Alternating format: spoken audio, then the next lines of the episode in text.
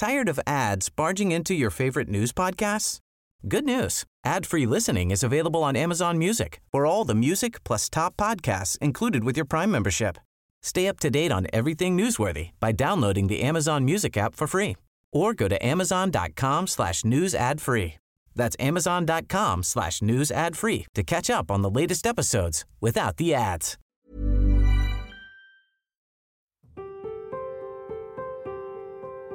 Regeringen skriver i sit regeringsgrundlag, at man skal ikke afvikle landbruget, man skal udvikle det. Og det tror jeg også er noget, regeringen stadig har svært ved at finde ud af, hvad, hvad betyder det helt konkret. Det kunne da måske have været gavnligt for dem, hvis Landbrug og Fødevare også på delegeret mødet havde gået endnu dybere ned i den diskussion.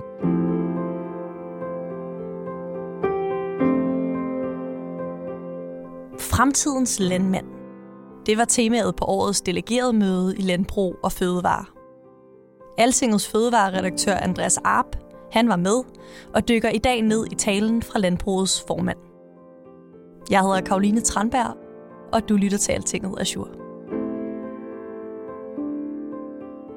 Jeg har været i Herning og var til delegermøde i øh, Landbrug Fødevare, øh, som er jo er den her store erhvervsorganisation, som repræsenterer ikke kun landmændene, men, men faktisk rigtig mange i fødevareklyngen. Og det vil sige, at deres delegeret møde er et, er et medlemsmøde, sådan at det er den her ledelse, som øh, man, hvis man bor i København, kan kender fra, fra Akselborg øh, herinde midt i byen, så, så er det ligesom her, at Akselborg og lederskabet i Landbrug Fødevare møder deres bagland. Og hvad er det for nogle udfordringer, øh, som det danske landbrug mødte op til delegeret møde med i år? Jamen, de er mødt op med nogle udfordringer, som jo nok har været der for Landbrug og Fødevare i en del år. Øh, det handler især om det grønne område. Det handler både om landbrugets klimaudledninger, som udgør rigtig meget af Danmarks samleudledninger, men det handler også om, om miljø. Det handler om vandmiljøet og, og de her billeder, man blandt andet har set på det seneste med, med havbunden, der dør i de indre danske farvande. Det er også noget, landbruget øh, er, er i høj grad ansvarlig for, og dermed også øh, har udfordringer indenfor. Er det flere eller større udfordringer, end der plejer at være, når de mødes til det her møde? Nu, nu har udledningerne været stabile i, i mange år, så på den måde er det, jo ikke, er, er det jo ikke nyt, men der er blevet sat mere øh, hvad hedder det, stramme klimamål de sidste par år, så udfordringen bliver jo også større og større for hvert år, der går øh, og dermed bliver presset på landbruget også større og større. Da jeg ankom, så stod øh, Venstres europaparlamentariker Asger Christensen øh, lige ude foran sammen med nogle medarbejdere i Venstre og, og sørgede for, at man fik en kuglepind og fik at vide, at man skulle huske at stemme på, på Asger Christensen. Og så kommer man ind, og øh, Landbrugsavisen står i stander, og der er, der er rundstykker øh, med lyst brød og, hvad hedder det, og ost. Og så går snakken ellers mellem alle de her medlemmer, øh, som er mødt op. Erling Bonnesen fra Venstre, deres miljø- og fødevareoverfører, går rundt og, og trykker hænder. Øhm, og så kan man faktisk også, får man ret hurtigt indtryk af, sådan, at temaet, som øh, for det her delegerede møde hedder Fremtidens Landmand. Og grunden til, at man kan mærke det, er, fordi de, de sådan har farvet deres banner og deres øh, keyhangers og deres, selv deres bolcher øh, er farvet med sådan en lysegrøn øh, farve. Øh, og der er sådan nogle banner op om, hvor man kan lære, hvordan en ko kan nedbringe sin, sin metanudledninger ved at scanne en QR-kode osv. Når man kommer ind i den, i den store sal, hvor der bliver holdt taler, hvor medlemmerne skal sidde, er der sådan nogle store banner, der henviser til deres klimaplan.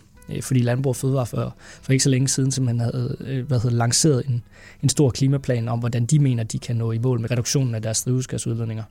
Og hvad var dine forventninger til mødet, da du ankom? Jamen, jeg var lidt nysgerrig på, på de kritiske historier, der ligesom har været, og det er nok også med udgangspunkt i, at når vi på Altinget plejer at dække politiske landsmøder med partier, så er der ofte en eller anden, øh, en eller anden fortælling, eller en eller anden historie, man går ind til et landsmøde med, som man ligesom har en eller anden forventning om, at det her skal toppen af partiet, eller i det her tilfælde toppen af organisationen, ud og adressere. Det bliver de simpelthen nødt til at, at sige noget til. Og i det her tilfælde, som, som vi lige har nævnt, de her grønne udfordringer, og, og har nogle af de her historier måske også ført til noget intern utilfredshed?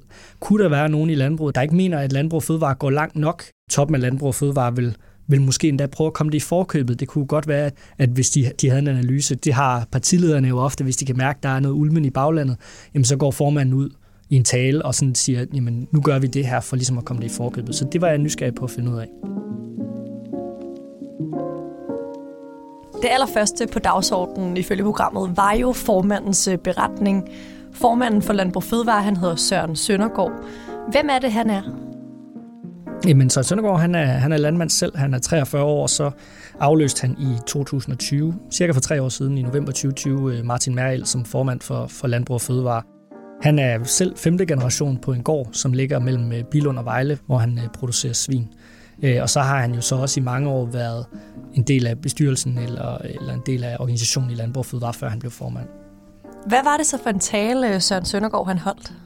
Jamen, det var, en, det var faktisk en god tale. Han er en, han er en god taler, Søren Søndergaard. Han holdt en tale om, om nysgerrighed. Jeg kunne holde en lang monolog om alt det gode, vi gør ude på landet, om alt det, de ikke forstår inde i byerne. Men i stedet, så vil jeg tale om nysgerrighed. Nysgerrigheden efter at vide mere om hinanden. Natur spørge, turde svare. Fordomme har det jo med at smuldre i mødet med virkeligheden. Han var bekymret for, for, at der var ved at opstå en kløft mellem øh, dem, der producerer fødevarer, og så dem, der, der, der forbruger dem. Øh, om at danskerne måske ikke i tilstrækkelig høj grad, eller i hvert fald, at der er nogle danskere, der ikke øh, ved nok om, hvor fødevarene kommer fra, hvordan de bliver produceret, under hvilke forhold de bliver produceret. Han mente, det var nødvendigt øh, for at landbruget øh, fortsat kunne udvikle sig, at der ligesom blev bygget nogle broer mellem, mellem det her, så der ikke opstod de her kløfter, at der blev nedbrudt nogle fordomme, at der blev taget en samtale. Og han talte blandt andet om det her med, med åbent landbrug, som er sådan en årsdag, hvor, hvor nogle landbrug øh, holder åbent, så folk kan komme ind og se, hvordan landbrugsproduktion foregår. Der er også det, der hedder Landbrug Fødevare Skoletjeneste, hvor, hvor øh, hvad hedder det, skoleklasser kommer ud og ser en landbrugsbesætning. Og som den lille storbyknægt fra en tredje klasse, der var på besøg på en gård med malkekvæg. Og på rundvisning, der kommer de til sidst hen til den store mælketank, og landmanden fortæller, hvor mange tusinde liter mælk, der er i tanken. Hvorpå drengen spærer øjnene op og udbryder. Men hvad bruger I dog alt den mælk til? Så det, det talte han om som, som nogle af løsninger, og budskabet var i al sin enkelhed, at hvis landbruget skal, skal udvikles øh, i fremover, øh, så man blandt andet kan levere på de her grønne målsætninger, jamen så skal folk også være nysgerrige, og, og det kan man måske også lidt oversætte til, de skal have en tillid til, at landbruget ikke øh, gør noget for at være onde, eller gør noget for, for at ødelægge kloden, men at der er en fødevareproduktion, og man skal blive nødt til at være nysgerrig på, hvordan den fungerer, og hvad man får ud af den, øh, og dermed også have tillid til, at dem, der forvalter øh, naturen, i det her tilfælde øh, jorden, at de gør det på en, på en måde, hvor de tænker over det ansvar, de også har. Hvem er det, han synes skal være mere nysgerrig? Altså jeg tror, at det, man tænker på, det, det, kan være, det kan være alle mulige. Altså det kan være politikere, det kan være øh, interesseorganisationer, øh, det kan være dig og mig, os alle sammen, der måske er kommet lidt langt væk fra, fra landbruget. Hvad er det så for nogle øh, konkrete problematikker, han rejser i talen? Jamen, han, øh, han rejser en del problematikker. Der er en sætning, han siger på et tidspunkt om, at, at vi bliver nødt til at kræve af samfundet og kræve af vores politikere, at de ikke stiller krav uden indsigt. Der ligger en underliggende kritik af, at nogle af de krav, de bliver, de bliver pålagt, at de ikke øh, har, har tilstrækkelig indsigt. Og det bruger han jo blandt andet til at rejse øh, kritikken af CO2-afgiften, den her varme kartoffel, som er i dansk politik lige nu, øh, som han jo adresserer ved at sige, den kommer, det er den politiske virkelighed, den bliver vi nødt til at forholde os til.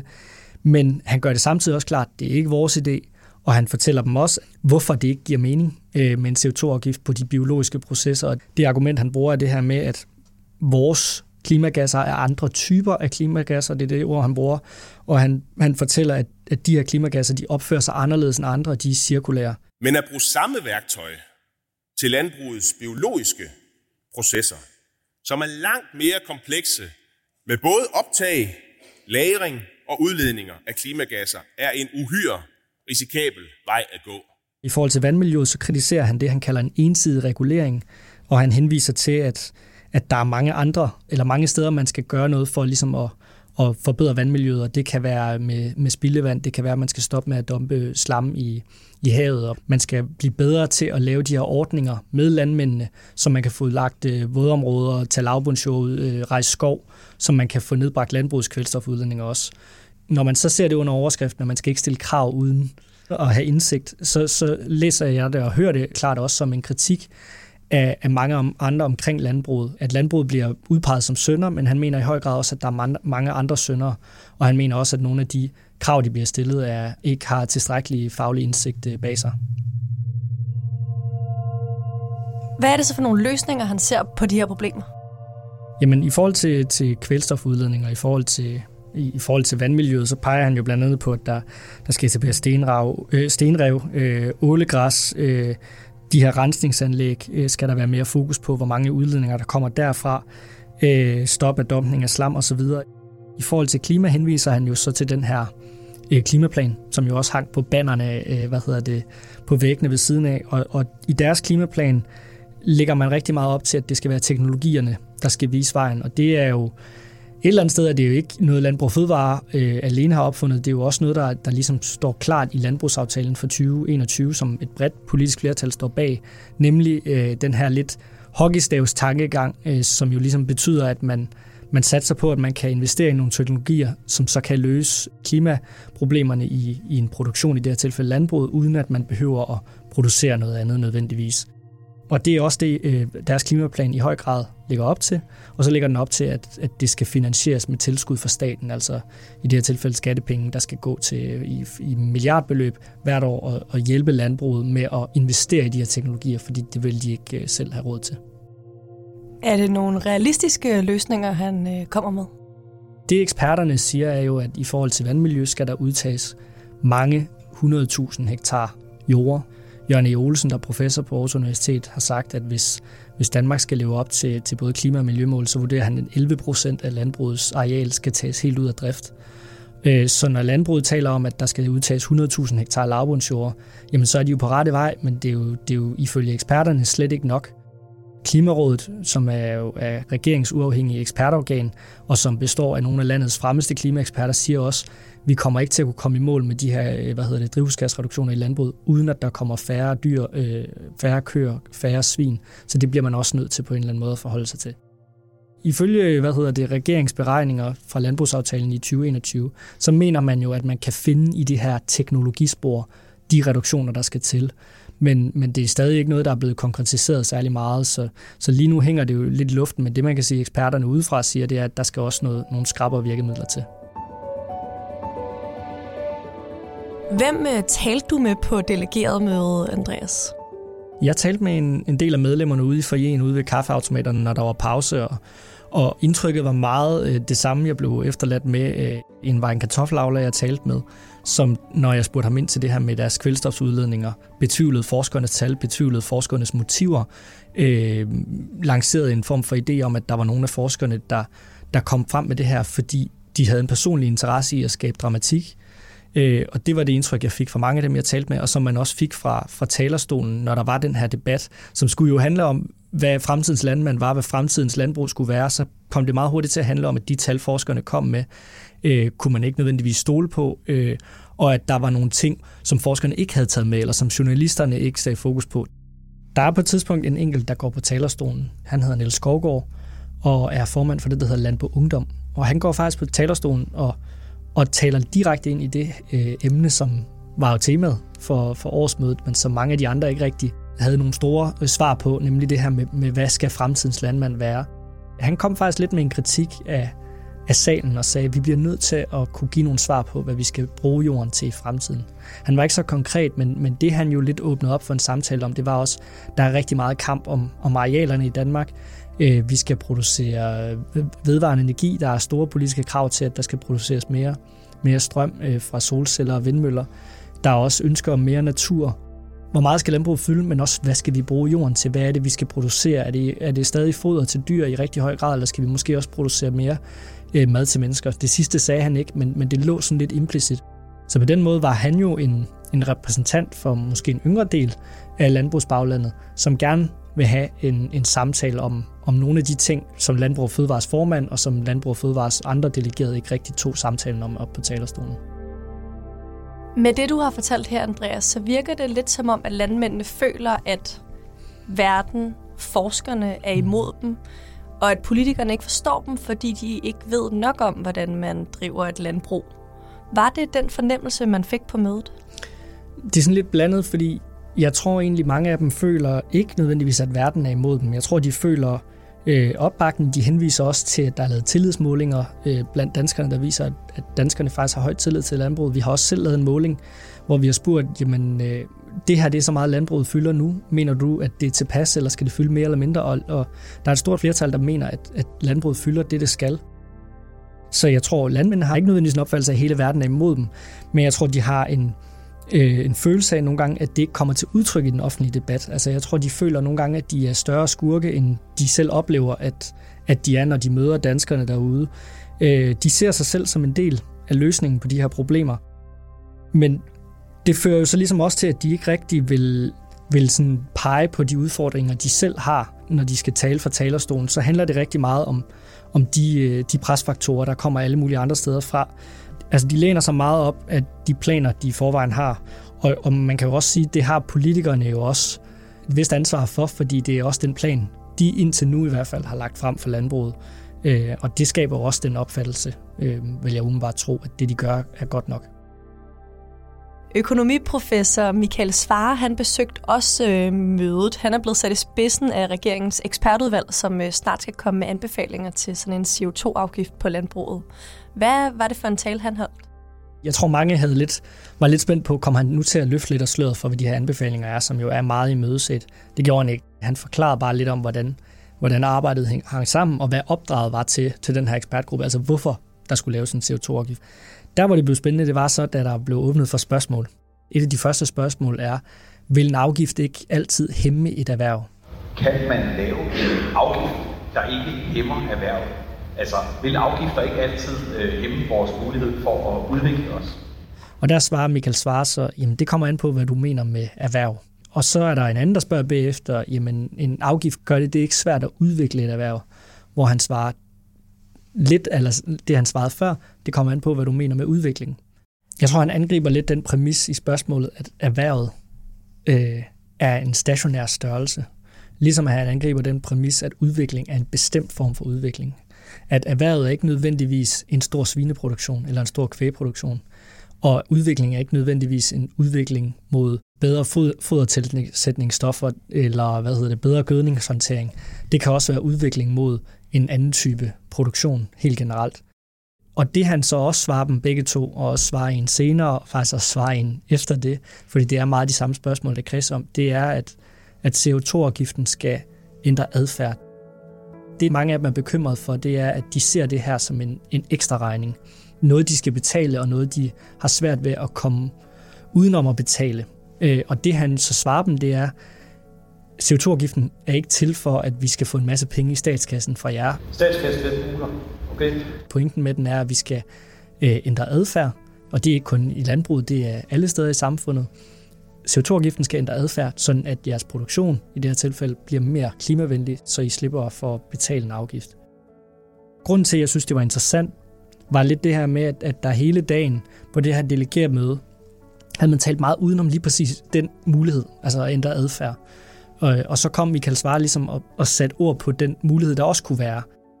Hvis man har fået fortalt, eller fortæller sig selv, at den eneste måde, øh, jeg kan producere på, det er på den her måde, så kommer CO2-afgiften jo også ramt, til at ramme en ekstremt hårdt.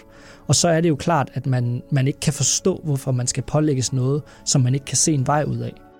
Det er jo så spørgsmålet, om det er noget, de fortæller sig selv, om der måske også er nogle politikere eller en organisation i det her tilfælde, der, øh, der har været gode nok til at forklare dem, at der er måske også en anden vej ud af det. Der er måske en vej, hvor, hvor man kan producere øh, noget andet.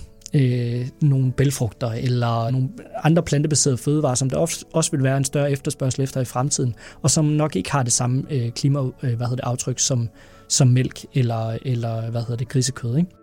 Så det synes jeg var interessant, fordi det ligesom øh, for første gang på det her delegerede sat lidt gang i, i nogle af de samtaler, øh, som, som nok et eller andet sted ifølge eksperterne, det vil nok være det, eksperterne siger er nødvendigt, hvis landbruget skal nå både klima- og miljømål i fremtiden. Tak fordi du lyttede med i dag. Dagens podcast den blev produceret af Mads Olsen og af mig. Jeg hedder Karoline Tranberg, og vi lyttes ved.